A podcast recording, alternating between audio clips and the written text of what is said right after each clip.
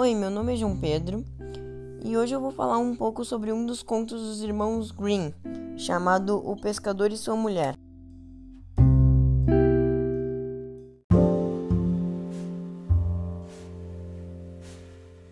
O Pescador e Sua Mulher é um conto sobre um humilde pescador e sua mulher que vivem em uma gruta perto da praia. Um dia o pescador pesca um peixe falante, que lhe pede misericórdia. Assim o pescador solta o peixe e quando vai contar a história à sua mulher, ela lhe manda pedir ao peixe uma casa no campo.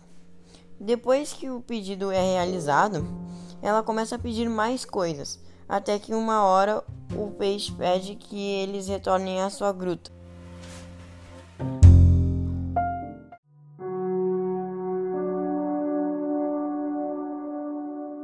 Os personagens do conto é o pescador, que é um personagem humilde, o peixe, que representaria o elemento mágico do conto, e a mulher, que seria uma personagem um pouco mais gananciosa por causa dos desejos que ela tem ao longo do conto.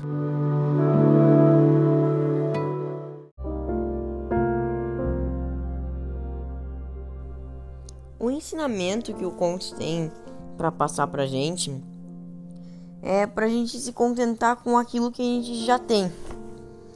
Porque a mulher do conto, ela sempre desejava o que ela não tinha e ela nunca ficava feliz com o que ela já tinha. Então, uma hora ela perdeu tudo aquilo que ela ganhou.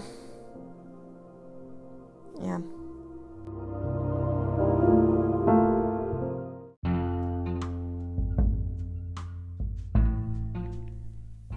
Eu não acho que esse é o melhor dos contos de Green, por causa do cenário e dos personagens. Os personagens não são tão criativos, são personagens genéricos, a não ser o peixe. O peixe é o personagem menos genérico da história.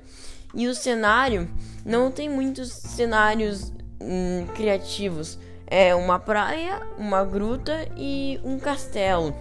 Mas eu escolhi esse conto por causa da moral. Eu acho que essa moral é muito boa. Se muitas pessoas aprendessem essa, esse ensinamento que esse conto tem para nos trazer, eu acho que muitas coisas que existem hoje em dia seriam diferentes.